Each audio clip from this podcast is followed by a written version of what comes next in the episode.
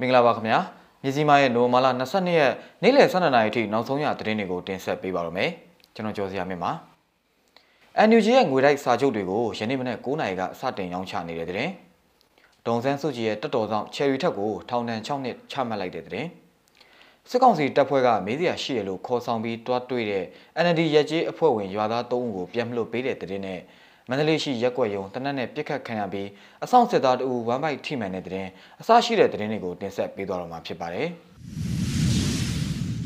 ပထမဆုံးသတင်းတစ်ပုဒ်အနေနဲ့ NUG ရဲ့ငွေတိုက်စာချုပ်တွေကိုယနေ့မနက်9:00နာရီကစတင်ရောင်းချပေးနေတဲ့သတင်းကိုတင်ဆက်ပေးပါမယ်။ ဆရာနာရှင်အမြင့်ပြတ်ဖြုတ်ချဖို့တော်လိုင်းရပုံငွေအတွက်အမျိုးသားညီညွတ်ရေး NUG အစိုးရကထုတ်ရောင်းတဲ့အထူးငွေတိုက်စာချုပ်တွေကိုဒီကနေ့နိုဝင်ဘာလ22ရက်မနက်9:00နာရီကစတင်ဝယ်ယူနိုင်ပြီဖြစ်ကြောင်း NUG အစိုးရရဲ့ပြည်တွင်းအခွန်များဦးစီးဌာနကတရားဝင်ထုတ်ပြန်ထားပါတယ်။ငွေတိုက်စာချုပ်တွေကို www.unitedbone.nug.org လင့်ကတဆင့်လေ့လာကြည့်ရှုဝယ်ယူနိုင်မှာဖြစ်ပြီးတော်လင်းအောင်မြင်စိမ့်နဲ့ဝယ်ယူကြဖို့ NUG အစိုးရရဲ့ပြည်တွင်းအခွန်များဦးစီးဌာနကမြစ်တာရက်ခံထားပါတယ်။ ဝက်ဒိုက်စာချုပ်ဝယ်ယူသူတွေရဲ့ကိုယ်ရေးအချက်လက်တွေကိုလည်းအထူးလုံခြုံတဲ့ဤပညာနဲ့အာမခံချက်ပေးထားတာကြောင့်စိုးရင်စရာမလိုပဲရေုံကြီးကြီးပူးပေါင်းပါဝင်ဆောင်ရွက်ပေးကြဖို့လည်းပြည်တွင်းအခွန်များဦးစီးဌာနရဲ့ထုတ်ပြန်ချက်မှာတိုက်တွန်းထားပါတယ်။အမျိုးသားညီညွတ်ရေးအစိုးရ NUG ဟာနှစ်နှစ်သက်တမ်းရှိတဲ့အထူးငွေတိုက်စာချုပ်တွေကိုကန်ဒေါ်လာစုစုပေါင်းတန်းတထောင်ဘိုးရောင်းချဖို့စီစဉ်ထားပြီးဒေါ်လာ100 900 1000 9000စတဲ့စာချုပ်ပုံစံ၄မျိုးနဲ့ရောင်းချပေးသွားမှာဖြစ်ပါတယ်။ NUG ရဲ့အထူးငွေတိုက်စာချုပ်ကန်ဒေါ်လာတန်းထောင်ဘိုးအနက်အာစီရီပထမတုပ်အနေနဲ့ကန်ဒေါ်လာတန်း200ဘိုးကိုဒီကနေ့နိုဝင်ဘာလ22ရက်နေ့မှာစတင်ရောင်းချမှာပါ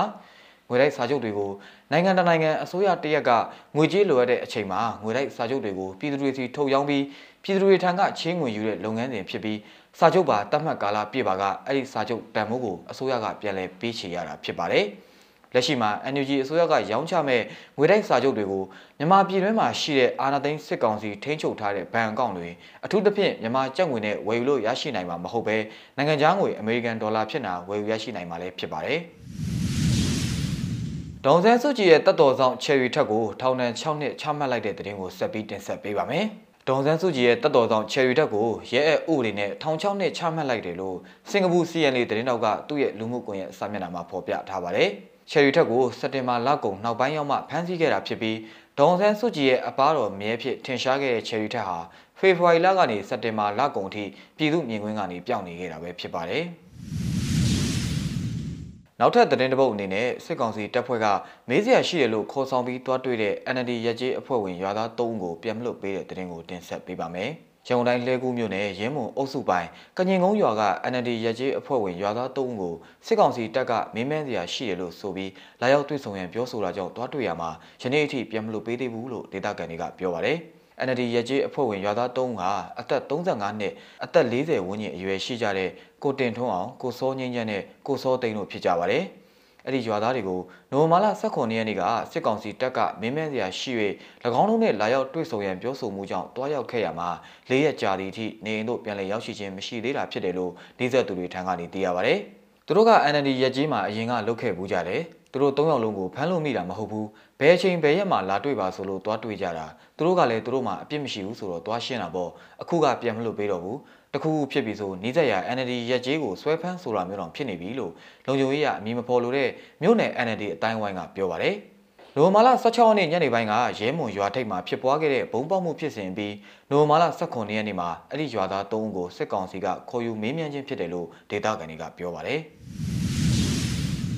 မန္တလေးကရက်ွက်ယုံတနက်နဲ့ပြစ်ခတ်ခံရပြီးအဆောင်စစ်သားတူဝမ်းမိုက်ထိမှန်တဲ့တဲ့ရင်ကိုတင်ဆက်ပေးပါမယ်။ မန္တလေးမြို့မဟာအောင်မြေမြို့နယ်82လမ်းနဲ့36လမ်း38လမ်းကြားမှာရှိတဲ့ရတနာဘုံမိအရှိရက်ွက်အုပ်ချုပ်ရေးမှူးယုံတနက်နဲ့ပြစ်ခတ်တိုက်ခိုက်ခံရပြီးအဆောင်စစ်သားတူဝမ်းမိုက်ထိမှန်ခဲ့တယ်လို့ဒေတာတွင်သတင်းဌာနတွေရဲ့ဖော်ပြချက်အရသိရပါဗျ။ဒေသခံတွေရဲ့ပြောပြချက်အရယနေ့မနက်9နာရီကျော်အချိန်ကရက်ွက်ရုံးမှာစောင့်နေတဲ့စစ်ကောင်စီတပ်ဖွဲ့ဝင်တွေပြစ်ခတ်တိုက်ခိုက်ခံရတာဖြစ်ပြီးပြစ်ခတ်မှုကြောင့်စစ်သားတူဝမ်းမိုက်ထိမှန်ဒဏ်ရာရကအသက်အန္တရာယ်စိုးရိမ်ရတယ်လို့ဆိုပါတယ် ရက်ွက်ရုံအဆောင်စစ်ကောင်စီတပ်ဖွဲ့ကိုမြစ်တီအဖွဲ့ကပြစ်ခတ်တိုက်ခိုက်တယ်ကိုမသိရသေးပေမဲ့တိုက်ခိုက်ခံရပြီးတဲ့နောက်စစ်ကောင်စီတပ်တွေရဲ့ရန်တမ်းပြစ်ခတ်မှုတွေလည်းရှိခဲ့ပါတယ်။လက်ရှိမန္တလေးမြို့မှာစစ်ကောင်စီက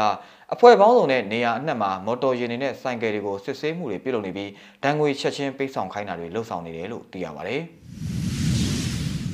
မြစည်းမရဲ့နိုမာလာ22ရက်နေ့လယ်12နာရီထိနောက်ဆုံးရသတင်းတွေကိုတင်ဆက်ပေးခဲ့တာပါ။မြန်မာပြည်သူပြည်သားအပေါင်းဘေးရန်ရဲ့အမျိုးမျိုးကနေကင်းဝေးကြပါစေခင်ဗျာ။